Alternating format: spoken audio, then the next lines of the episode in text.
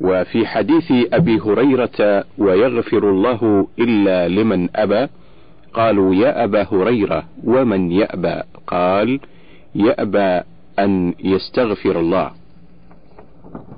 وقال لقمان لابنه يا بني عود لسانك الاستغفار فإن لله ساعات لا يرد فيه سائلا وقد جمع الله بين التوحيد والاستغفار في قوله فاعلم أنه لا إله إلا الله واستغفر لذنبك. وفي بعض الآثار أن إبليس قال أهلكت الناس بالذنوب وأهلكوني بالاستغفار ولا إله إلا الله. والاستغفار ختام الأعمال الصالحة كلها فيختم به الصلاة والحج والقيام في الليل ويختم به المجالس فإن كانت ذكرا كان كالطابع عليها وإن كانت لغوا كانت كان كفارة لها. فكذلك ينبغي أن يختم صيام رمضان بالاستغفار ويرقع ما تخرق من الصيام باللغو والرفث ويجتهد في الإكثار من الأعمال والتقلل من شواغل الدنيا والإقبال على الآخرة ما دام في قيد الحياة أو ما دام على قيد الحياة. ومن عظة الحسن البصري لعمر بن عبد العزيز أما بعد فإن الدنيا دار ضعن فإن الدنيا دار ضعن ليست بدار إقامة لها في كل حين قتيل. تذل من أعزها وتفقر من جمعها وهي كالسم يأكله من لا يعرفه وفيه حتفه فكن فيها كالمداوي جراحه يحتمي قليلا مخافة ما يكره طويلا ويصبر على شدة الدواء مخافة طول الداء.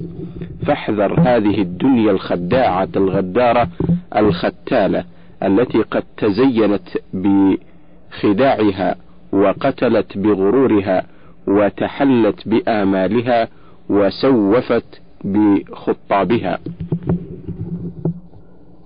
فأصبحت كالعروس المجلية. فأصبحت كالعروس المجلية. المجلية العيون إليها ناظرة والقلوب عليها والهة وهي لأزواجها كلهم قالية. فلا الباقي بالماضي معتبر ولا الآخر بالأول مزدجر. فعاشق لها قد ظفر منها بحاجته فاغتر وطغى ونسي المعاد فشغل فيها لبه حتى زلت به قدمه فعظمت ندامته وكثرت حسرته واجتمعت عليه سكرات الموت وتألمه وحسرات الفوت بغصته وراغب فيها لم يدرك منها ما طلب ولم يرح نفسه من التعب فخرج بغير زاد وقدم على غير مهاد أو وقدم على غير مهاد. فاحذرها يا أمير المؤمنين وكن أسر ما تكون فيها أحذر لها. وكن أسر ما تكون فيها أحذر لها فإن صاحب الدنيا كلما اطمأن فيها إلى سرور أشخصته إلى مكروه وضار. وقد وصل الرخاء منها بالبلاء وقد وصل الرخاء منها بالبلاء وجعل البقاء إلى فناء فسرورها مشوب بالأحزان أمانيها كاذبة وآمالها باطلة وصفوها كدر وعيشها نكد. وابن آدم فيها على خطر انتهى. شعرا فيا أيها الناس ليوم رحيله أراك عن الموت المفرق لاهيا ألا تعتبر بالراحلين إلى البلا وتركهم الدنيا جميعا كما هي ولم يخرجوا إلا بقطن وخرقة وما عمروا من منزل ظل خاليا وأنت غدا أو بعده في جوارهم وحيدا فريدا في المقابر ثاويا. اللهم يا من لا تضره المعصية ولا تنفعه الطاعة أيقظنا من نوم الغفلة ونبهنا الاغتنام ونبهنا لاغتناب أوقات المهلة ووفقنا لمصالحنا واعصمنا من قبائحنا وذنوبنا ولا تؤاخذنا بما انطوت عليه ضمائرنا وأكننت وأكننته وأكنته سرائرنا من أنواع القبائح والمعايب. التي تعلمها منا واغفر لنا ولوالدينا ولجميع المسلمين الأحياء منهم والميتين برحمتك يا أرحم الراحمين وصلى الله على محمد وعلى آله وصحبه أجمعين. فصل في أحكام الاعتكاف في المسجد. الاعتكاف لغة لزوم الشيء وحبس النفس عليه برا كان أو غيره. برا كان أو غيره. وفي الشرع لزوم مسلم لا غسل عليه عاقل ولو مميزا مسجدا ولو ساعة من ليل. وفي الشرع لزوم مسلم لا غسل عليه وهو عاقل ولو مميزا مسجدا ولو ساعة من ليل أو نهار لطاعة الله. وهو سنة في كل وقت وفي رمضان آكده وآكده عشره الآخرة.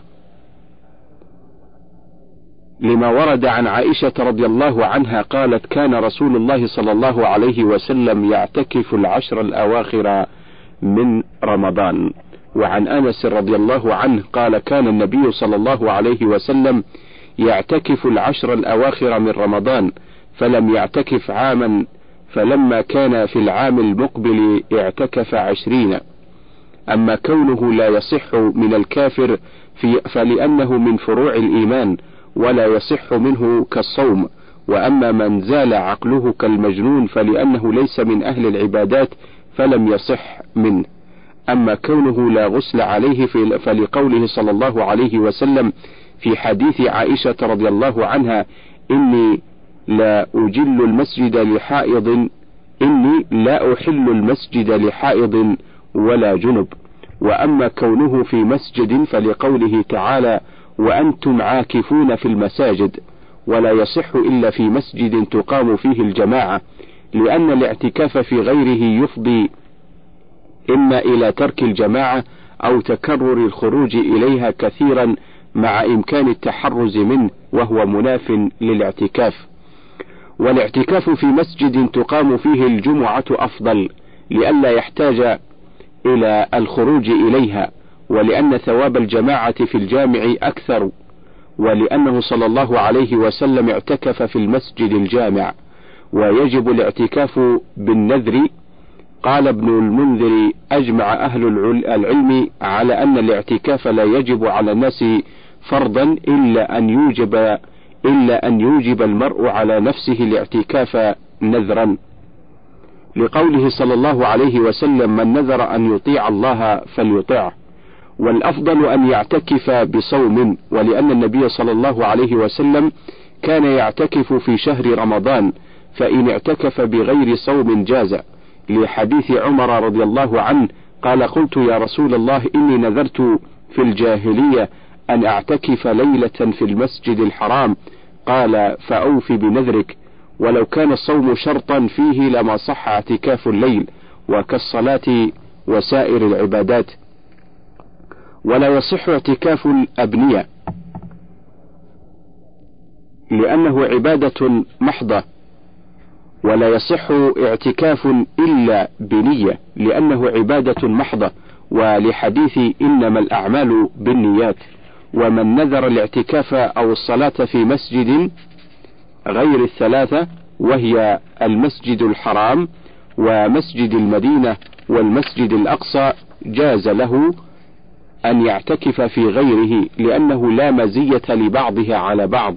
وإن نذر أن يعتكف في المسجد الحرام لزمه أن يعتكف فيه لما روي عن عمر رضي الله عنه أنه سأل النبي صلى الله عليه وسلم قال كنت نذرت في الجاهلية أن أعتكف ليلة في المسجد الحرام.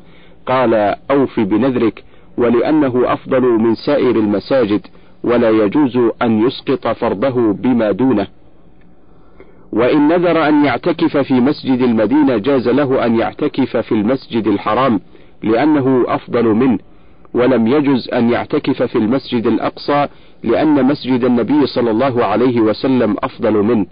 وإن نذر أن يعتكف في المسجد الأقصى جاز له أن يعتكف في أي المسجدين أحب لأنه أفضل منه بدليل قوله صلى الله عليه وسلم صلاة في مسجدي هذا أفضل من ألف صلاة فيما سواه إلا المسجد الحرام ولا يجوز للمعتكف أن يخرج من المسجد لغير عذر لما روت عائشة رضي الله عنها قالت إن رسول الله صلى الله عليه وسلم لا يدخل علي لا يدخل علي رأسه وهو في المسجد فأرجله وكان لا يدخل البيت إلا لحاجة إذا كان معتكفا. وعنها رضي الله عنها قالت السنة على المعتكف ألا يعود مريضا ولا يشهد جنازة ولا يمس امرأة ولا يباشرها ولا يخرج لحاجة إنسان إلا مما لا بد منه ولا اعتكاف إلا بصوم ولا اعتكاف إلا في مسجد جامع. فإن خرج من غير عذر بطل اعتكافه لأن الاعتكاف اللبث في المسجد فإذا خرج فقد فعل ما ينافيه من غير عذر كما لو أكل في الصوم ذاكرا. ويجوز أن يخرج لحاجة الإنسان ولا يبطل اعتكافه وكذا إن خرج من المسجد ناسيا لم يبطل اعتكافه لقوله صلى الله عليه وسلم رفع عن أمتي الخطأ والنسيان وما استكره عليه. ويستحب للمعتكف التشاغل بفعل القرب كقراءة القرآن والأحاديث الصحيحة والصلاة وذكر الله ونحو ذلك. وسن له اجتناب ما لا يعنيه من جدل ومراء وكثرة كلام لما ورد عن أبي هريرة رضي الله عنه. قال قال رسول الله صلى الله عليه وسلم من حسن إسلام المرء تركه ما لا يعنيه. فائدة قيل للقمان ما بلغ ما نرى يريدون الفضل؟ قال صدق الحديث وأداء الأمانة وترك ما لا يعني. قيل للقمان ما بلغ ما نرى يريدون الفضل. قال صدق الحديث وأداء الأمانة وترك ما لا يعني. شعرا على فيك مما ليس يعنيك شأنه بقفل وثيق بقفل وثيق ما استطعت فاقفل. اللهم يا خالق الخلق ويا قيوم نسألك بأسمائك الحسنى أن تنصر الإسلام والمسلمين وأن تعلي بفضلك كلمة الحق والدين وأن تشمل بعنايتك وتوفيقك كل من نصر الدين وأن تملأ قلوبنا بمحبتك ومحبة من يحبك وأن تأخذ بنواصينا إلى ما ترضاه وأن ترزقنا الاستعداد لما أمامنا وأن تهون أمر الدنيا علينا وأن تغفر لنا ولوالدينا ولجميع المسلمين برحمتك يا أرحم الراحمين. وصلى الله على محمد وعلى آله وصحبه أجمعين. فصل في بناء المساجد وآدابها. ويبحث في واحد ما ورد في الحث على بناء المساجد وثوابها العظيم.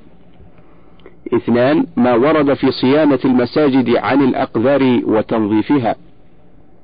ثلاثة ما ورد في تجنب أكل البصل والثوم ما ورد في تجنب آكل البصل والثوم الصلاة في المساجد وإبعاد الصغير والمجنون.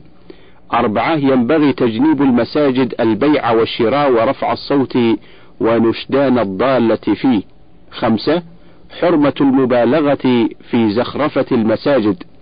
ستة كراهة التزام موضع معين من المسجد للصلاة لغير الإمام. واحد ما ورد في الحث على بناء المساجد وثوابها العظيم.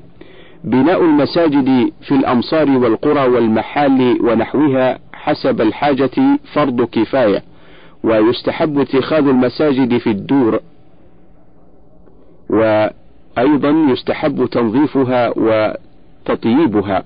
قال تعالى في بيوت أذن الله أن ترفع ويذكر فيها اسمه. الآية. ولما روت عائشة رضي الله عنها قالت أمر رسول الله صلى الله عليه وسلم ببناء المساجد في الدور وأن تنظف وتطيب. وعن عثمان بن عفان رضي الله عنه قال سمعت رسول الله صلى الله عليه وسلم يقول من بنى لله مسجدا بنى الله له مثله في الجنة. وعن ابن عباس رضي الله عنهما عن النبي صلى الله عليه وسلم قال من بنى لله مسجدا ولو كمفحص قطات بنى له بيتا في الجنة. وعن عمر بن الخطاب رضي الله عنه قال سمعت رسول الله صلى الله عليه وسلم يقول من بنى لله مسجدا يذكر فيه الله بنى الله له بيتا في الجنة. وروي عن أبي هريرة رضي الله عنه قال قال رسول الله صلى الله عليه وسلم من بنى بيتا يعبد الله فيه من مال حلال بنى الله له بيتا في الجنة. وروي عن عائشة رضي الله عنها عن النبي صلى الله عليه وسلم قال من بنى مسجدا لا يريد رياء ولا سمعة بنى الله له بيتا في الجنة. وعن أبي هريرة رضي الله عنه قال قال رسول الله صلى الله عليه وسلم إن مما يلحق المؤمن من عمله وحسناته بعد موته علما علمه ونشره أو ولدا صالحا تركه أو مصحفا ورثه أو مسجدا بناه أو, بي أو بيتا لابن السبيل بناه أو نهرا أجراه أو صدقة أخرجها من ماله في صحته وحياته تلحقه من بعد موته. وأحب البلاد إلى الله مساجدها وأبغض البلاد إلى الله أسواقها فعن أبي هريرة رضي الله عنه فعن أبي هريرة رضي الله عنه عن النبي صلى الله عليه وسلم قال أحب البلاد إلى الله مساجدها وأبغض البلاد إلى الله أسواقها. اثنان ما ورد في صيانة المساجد وتنظيفها ويسن صيانة المساجد عن كل وسخ وقذر وقذاة ومخاط وبصاق وتقليم أظفار وقص شارب وحلق رأس ونتف إبط لما ورد عن أنس رضي الله عنه قال قال رسول الله صلى الله عليه وسلم عرضت علي أجور أعمال أمتي حتى القذاة يخرجها الرجل من المسجد. وعن أنس رضي الله عنه قال قال رسول الله صلى الله عليه وسلم البصاق في المسجد خطيئة وكفارتها دفنها. وعن أبي هريرة رضي الله عنه أن امرأة سوداء كانت تقوم المسجد ففقدها. رسول الله صلى الله عليه وسلم فسأل عنها بعد أيام فقيل له إنها ماتت. فقال فهلا آذنتموني؟ فأتى قبرها فصلى عليها. وعن سمرة ابن جندب رضي الله عنه قال أمرنا رسول الله صلى الله عليه وسلم أن نتخذ المساجد في ديارنا وأمر أن وأمرنا أن ننظفها. وعن ابن عمر رضي الله عنهما قال بينما رسول الله صلى الله عليه وسلم يخطب يوما إذ رأى نخامة في قبلة المسجد فتغيظ على الناس ثم حكها. قال وأحسبه قال فدعا بزعفران بزعفران فلطخه به. وقال إن الله عز وجل قبل إن الله عز وجل قبل وجه أحدكم إذا صلى فلا يبصق بين يديه. وعن حذيفة رضي الله عنه قال قال رسول الله صلى الله عليه وسلم من تفل تجاه القبلة جاء يوم القيامة وتفله بين عينيه. وعن أبي سهلة السائب ابن خلاد من أصحاب النبي صلى الله عليه وسلم أن رجلا أما قوما فبصق في القبلة ورسول الله ينظر فقال رسول الله صلى الله عليه وسلم حين فرغ لا يصلي لكم هذا. فأراد بعد ذلك أن يصلي لهم فمنعوه وأخبروه بقول رسول الله صلى الله عليه وسلم. فذكر ذلك لرسول الله صلى الله عليه وسلم فقال نعم وحسبت أنه قال أنك آذيت الله ورسوله. ثلاثة ما ورد في تجنب آكل البصل والثوم الصلاة في المساجد وإبعاد الصغير والمجنون عنهما. يسن صيانة المساجد عن رائحة كريهة من بصل وثوم وكراث ونحوهما لما ورد عن أنس رضي الله عنه قال قال النبي صلى الله عليه وسلم من أكل من هذه الشجرة فلا يقربنا فلا يقربنا ولا يصلين معنا. وعن ابن عمر رضي الله عنهما أن النبي صلى الله عليه وسلم قال من أكل من هذه الشجرة يعني الثوم فلا يقربن مسجدنا. وعن جابر رضي الله عنه قال قال رسول الله صلى الله عليه وسلم من أكل ثوما أو بصلا فليعتزلنا أو فليعتزل مسجدنا. وفي رواية لمسلم من أكل البصل والثوم والكراث فلا يقربن مسجدنا فإن الملائكة تتأذى مما تأذى منه بنو آدم. وعن عمر بن الخطاب رضي الله عنه أنه خطب يوم الجمعة فقال في خطبته ثم إنكم أيها الناس تأكلون شجرتين لا أراهما إلا خبيثتين البصل والثوم ولقد رأيت رسول الله صلى الله عليه وسلم إذا وجد ريحهما من الرجل في المسجد أمر به فأخرج إلى البقيع. فمن أكلهما فليمتهما طبخا. اللهم انظمنا في سلك أهل السعادة واجعلنا من عبادك المحسنين الذين لهم الحسنى وزيادة. واغفر لنا ولوالدينا ولجميع المسلمين الأحياء منهم والميتين برحمتك يا أرحم الراحمين. وصلى الله على محمد وعلى آله وصحبه أجمعين. فصل. يسن أن يصان المسجد عن صغير لا يميز لغير مصلحة وأن يصان عن مجنون حال جنونه وعن لغط وخصومة وكثرة حديث لاغ. ورفع صوت بمكروه وعن رفع الصبيان أصواتهم باللعب وغيره ويمنع فيه اختلاط الرجال والنساء وإيذاء المصلين وغيرهم بقول أو فعل ويمنع ويمنع السكران من دخوله. وعن وعن واثلة بن الأسقع أن النبي صلى الله عليه وسلم قال: جنبوا مساجدكم صبيانكم ومجانينكم وسل سيوفكم واتخذوا على أبوابها المطاهر وجمروها في الجمع. وعن عبد الله يعني بن مسعود رضي الله عنه قال قال رسول الله صلى الله عليه وسلم سيكون في آخر الزمان قوم يكون حديثهم في مساجدهم ليس لله فيهم حاجة. وعن حكيم بن حزام رضي الله عنه قال قال رسول الله صلى الله عليه وسلم لا تقام الحدود في المساجد ولا يستفاد فيها.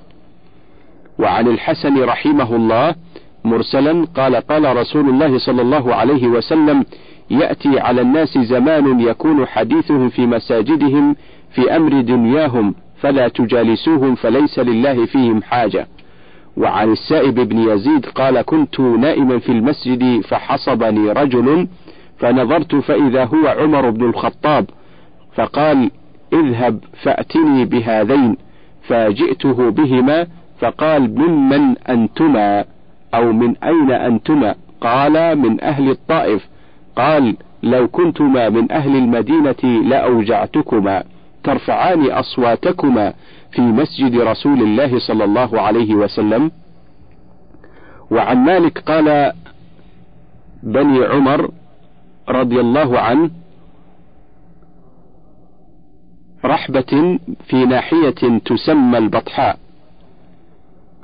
وعن مالك قال بني عمر رضي الله عنه رحبة في ناحية تسمى البطحاء وقال من كان يريد أن يلغط أو ينشد شعرا أو يرفع صوته فليخرج إلى هذه الرحبة. وعن مالك قال: بنى عمر رضي الله عنه رحبة في ناحية تسمى البطحاء، وقال: من كان يريد أن يلغط أو ينشد شعرا أو يرفع صوته فليخرج إلى هذه الرحبة. وعن أبي هريرة رضي الله عنه قال قال رسول الله صلى الله عليه وسلم: إذا اتخذ الفيء دولا والأمانة إذا اتخذ الفيء دولا والأمانة مغنما والزكاة مغرما وتعلم لغير الدين وأطاع الرجل امرأته وعق أمه وأدنى صديقه وأقصى أباه وظهرت الأصوات في المساجد وساد القبيلة فاسقهم وكان زعيم القوم أرذلهم وأكرم الرجل مخ وأكرم الرجل مخافة شره وظهرت القينات والمعازف وشربت الخمور ولعن آخر هذه الأمة أولها فارتقبوا عند ذلك ريحا حمراء وزلزلة وخسفا ومسخا وقذفا وآيات تتتابع كنظام قطع كنظام قطع سلكه فتتابع. أربعة ينبغي تجنيب المساجد البيع والشراء ورفع الصوت ونشدان الضالة فيها. والله أعلم وصلى الله على محمد وآله وصحبه وسلم.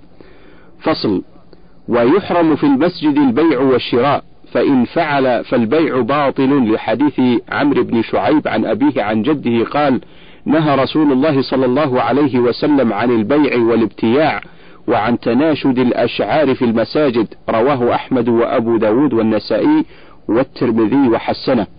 ويسن أن يقال لمن باع أو اشترى في المسجد لا أربح الله تجارتك لما ورد عن أبي هريرة رضي الله عنه.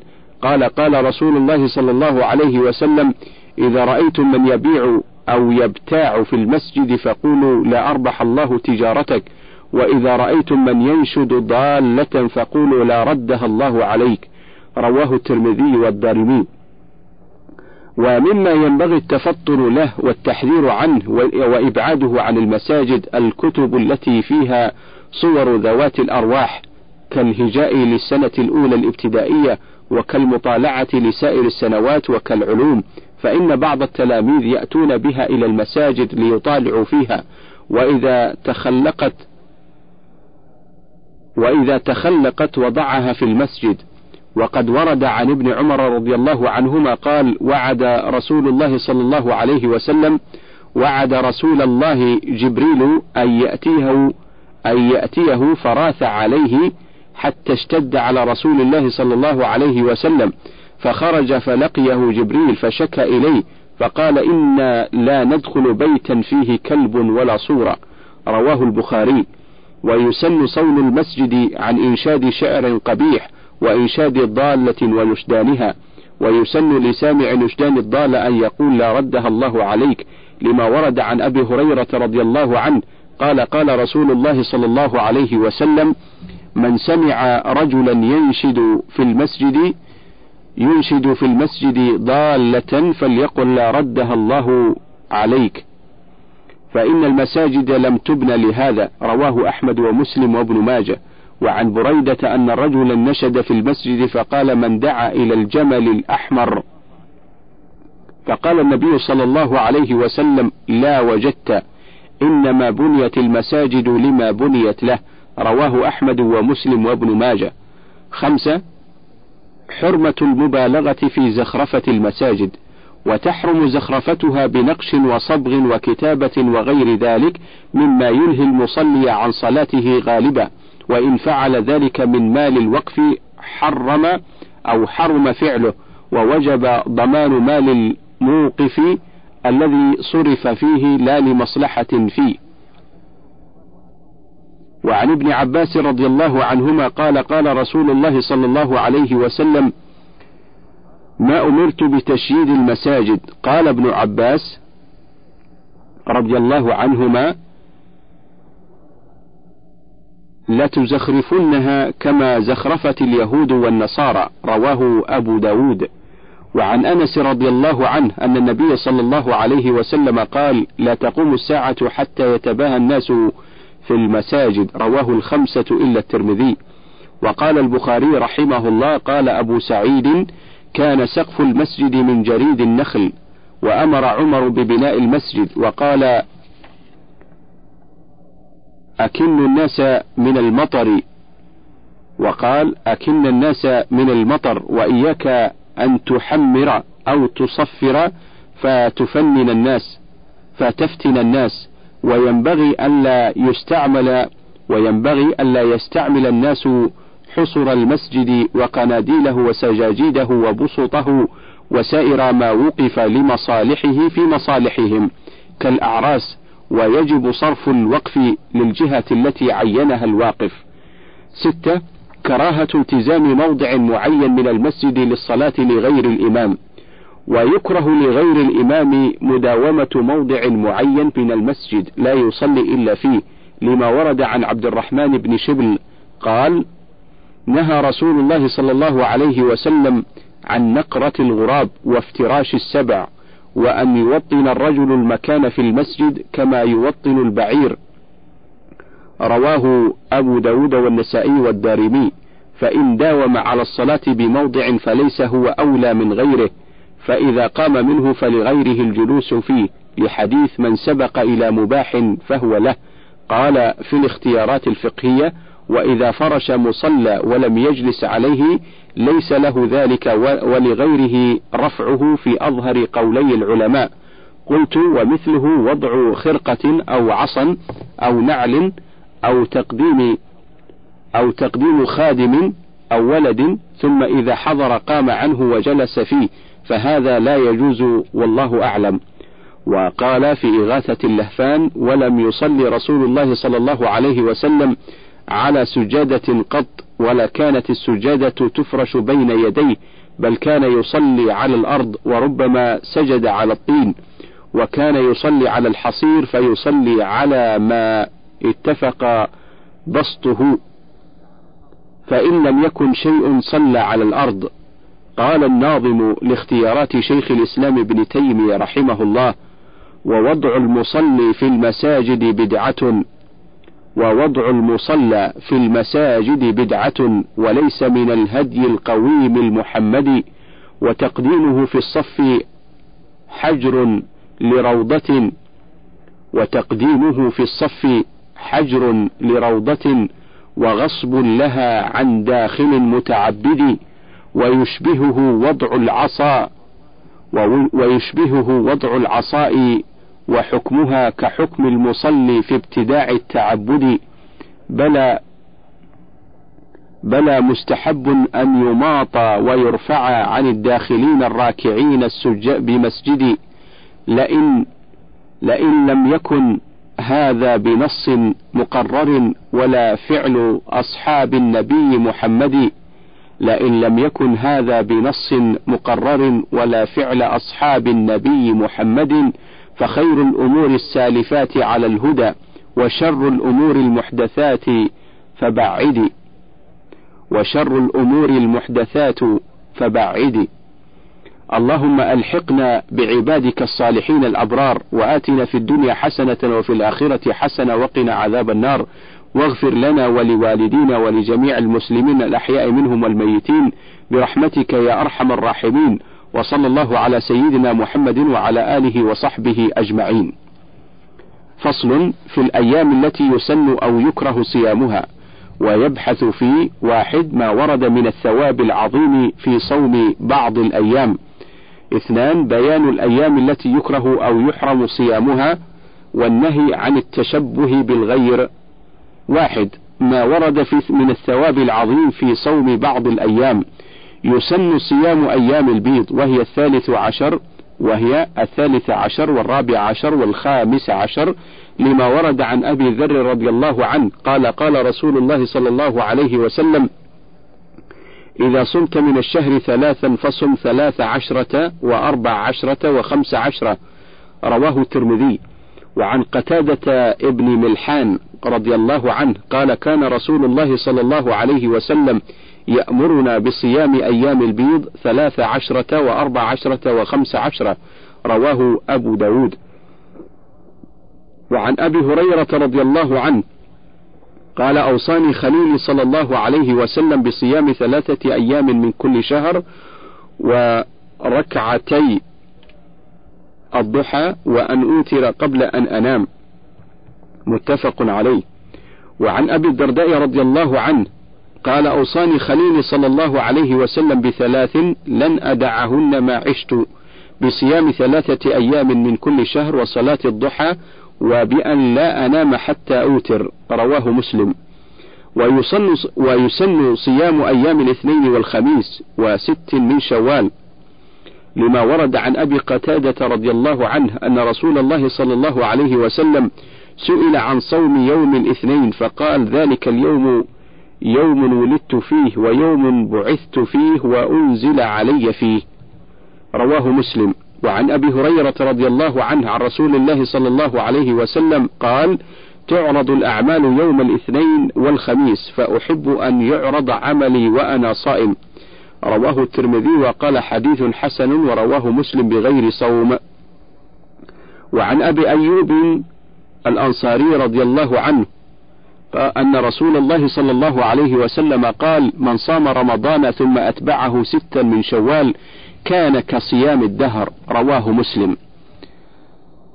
واستحب صيام ست أيام من شوال واستحب صيام ست أيام واستحب صيام ستة أيام من شوال أكثر العلماء وروي ذلك عن ابن عباس وطاووس والشعبي وميمون ابن مهران وهو قول ابن المبارك رحمهم الله وأكثر العلماء على أنه يستحب صيامها متتابعة أول الشهر ثاني الفطر. وقد آه، روي في ذلك حديث مرفوع من صام ستة أيام بعد الفطر متتابعة فكأنما صام السنة أخرجه الطبراني وغيره. وفي حديث عمران بن حسين رضي الله عنه عن النبي صلى الله عليه وسلم أنه قال أنه قال لرجل إذا أفطرت فصم وإنما كان صيام رمضان واتباعه وإتباعه بست من شوال يعدل صيام الدهر لأن الحسنة بعشر أمثالها. وقد جاء ذلك مفسرا من حديث ثوبان رضي الله عنه عن النبي صلى الله عليه وسلم أنه قال صيام رمضان بعشرة أشهر وصيام ستة أيام بشهرين فذلك صيام السنة. يعني صيام رمضان وستة أيام بعده أخرجه الإمام أحمد والنسائي وهذا لفظه. وخرجه ابن حبان في صحيحه وصححه أبو حاتم الرازي. ويسن صيام يوم عرفة لغير حاج بها وشهر المحرم. وآكده العاشر ثم التاسع. لما ورد عن أبي هريرة رضي الله عنه قال قال رسول الله صلى الله عليه وسلم أفضل الصيام بعد رمضان شهر الله المحرم وأفضل الصلاة بعد الفريضة صلاة الليل رواه مسلم. وفي حديث أبي قتادة قال قال عمر رضي الله عنه يا رسول الله كيف من يصوم الدهر كله؟ قال لا صام ولا أفطر. وقال لم يصم ولم يفطر. قال كيف من يصوم يومين ويفطر يوما؟ قال ويطيق أحد. قال كيف من يصوم يوما ويفطر يوما؟ ذلك صوم داود. قال كيف من يصوم يوما ويفطر يومين؟ قال وددت أني طوقت ذلك. ثم قال رسول الله صلى الله عليه وسلم ثلاث من كل شهر ورمضان إلى رمضان فهذا صيام الدهر كله. صيام يوم عرفة صيام يوم عرفة أحتسب على الله أن يكفر السنة التي قبله والسنة التي بعده وصيام يوم عاشوراء أحتسب على الله أن يكفر السنة التي قبله. رواه مسلم. وعن ابن عباس رضي الله عنهما أن رسول الله صلى الله عليه وسلم قال أن رسول الله صلى الله عليه وسلم صام يوم عاشوراء وأمر بصيامه متفق عليه. وعنه رضي الله عنه وعنه رضي الله عنهما لئن بقيت إلى قابل لأصومن التاسع متفق عليه. وعن أبي هريرة رضي الله عنه أن رسول الله صلى الله عليه وسلم نهى عن صوم يوم عرفة بعرفة. رواه أبو داود والنسائي وابن, ما وابن خزيمة في صحيحه. ويسن صيام تسع ذي الحجة لما ورد عن ابن عباس رضي الله عنهما قال قال رسول الله صلى الله عليه وسلم ما من أيام العمل الصالح فيها أحب إلى الله من هذه الأيام يعني أيام العشر قالوا يا رسول الله ولا الجهاد في سبيل الله قال ولا الجهاد في سبيل الله إلا رجل خرج بنفسه وماله فلم يرجع من ذلك بشيء. رواه البخاري. وعن أبي هريرة رضي الله عنه قال قال رسول الله صلى الله عليه وسلم ما من أيام أحب إلى الله أن يتعبد له فيها من أيام العشر وإن صيام يوم فيها ليعدل صيام سنة. وليلة فيها بليلة القدر رواه رواه ابن ماجة والترمذي وقال حديث غريب اللهم إنا نسألك التوبة ودوامها ونعوذ بك من المعصية وأسبابها اللهم أفض علينا من بحر كرمك وعونك حتى نخرج من الدنيا على السلامة من وبالها وارأف بنا رأفة الحبيب بحبيبه عند الشدائد ونزولها. وارحمنا من هموم, من هموم الدنيا وغمومها بالروح والريحان إلى الجنة ونعيمها ومتعنا بالنظر إلى وجهك الكريم في جنات النعيم مع الذين أنعمت عليهم من النبيين والصديقين والشهداء والصالحين. واغفر لنا ولوالدينا ولجميع المسلمين الأحياء منهم والميتين برحمتك يا أرحم الراحمين. وصلى الله على محمد وعلى آله وصحبه أجمعين. فصل في بيان الأيام التي يكره أو يحرم صيامها والنهي عن, التش عن التشبه بالغير. ويكره إفراد رجب بالصوم والجمعة والسبت. أما رجب فلما روى أحمد رحمه الله عن خرشة ابن الحر قال رأيت عمر يضرب أكف المترجبين حتى يضعوها في الطعام ويقول كلوا فإنما هو شهر كانت تعظمه الجاهلية. وبإسناده عن ابن عمر رضي الله عنهما أنه كان إذا رأى أنه كان إذا رأى الناس وما يعدونه لرجب كرهه وقال صوموا منه وأفطروا. وأما الجمعة فلما ورد عن أبي هريرة رضي الله عنه عن النبي صلى الله عليه وسلم قال لا تخص ليلة الجمعة بقيام من بين الليالي ولا تخص يوم الجمعة بصيام من بين الأيام إلا أن يكون في صوم يصومه أحدكم رواه مسلم. وعنه رضي الله عنه قال قال رسول الله صلى الله عليه وسلم لا يصومن أحدكم يوم الجمعة إلا أن يصوم يوما قبله أو يوما بعده. متفق عليه. وأما السبت فلما روي عن عبد الله بن بسر عن أخته رضي الله عنهما أن رسول الله صلى الله عليه وسلم قال لا تصوموا يوم السبت إلا فيما افترض إلا فيما افترض عليكم فإن لم يجد أحدكم إلا لحاء عنبة أو عود شجرة فليمضغه. رواه الخمسة إلا النسائي. ويكره تقدم رمضان بيوم بصوم يوم أو يومين لما ورد عن أبي هريرة رضي الله عنه. قال قال رسول الله صلى الله عليه وسلم لا تقدموا رمضان بصوم يوم أو ولا يومين. إلا رجل كان يصوم صوما فليصم. متفق عليه. ويكره صوم الدهر لحديث عبد الله بن عمر رضي الله عنهما قال قال رسول الله صلى الله عليه وسلم لا صام من صام الأبد متفق عليه ولمسلم من حديث أبي قتادة رضي الله عنه بلفظ لا صام ولا أفطر. ويكره صوم النيروز والمهرجان وكل عيد للكفار أو يوم يفردونه بالتعظيم لما فيه من موافقة الكفار في تعظيمها. قال عبد الله ابن عمر رضي الله عنهما من تأسى ببلاد الأعاجم نيروزهم ومهرجانهم وتشبه بهم حتى يموت حشر معهم. من فضلك تابع بقية المادة.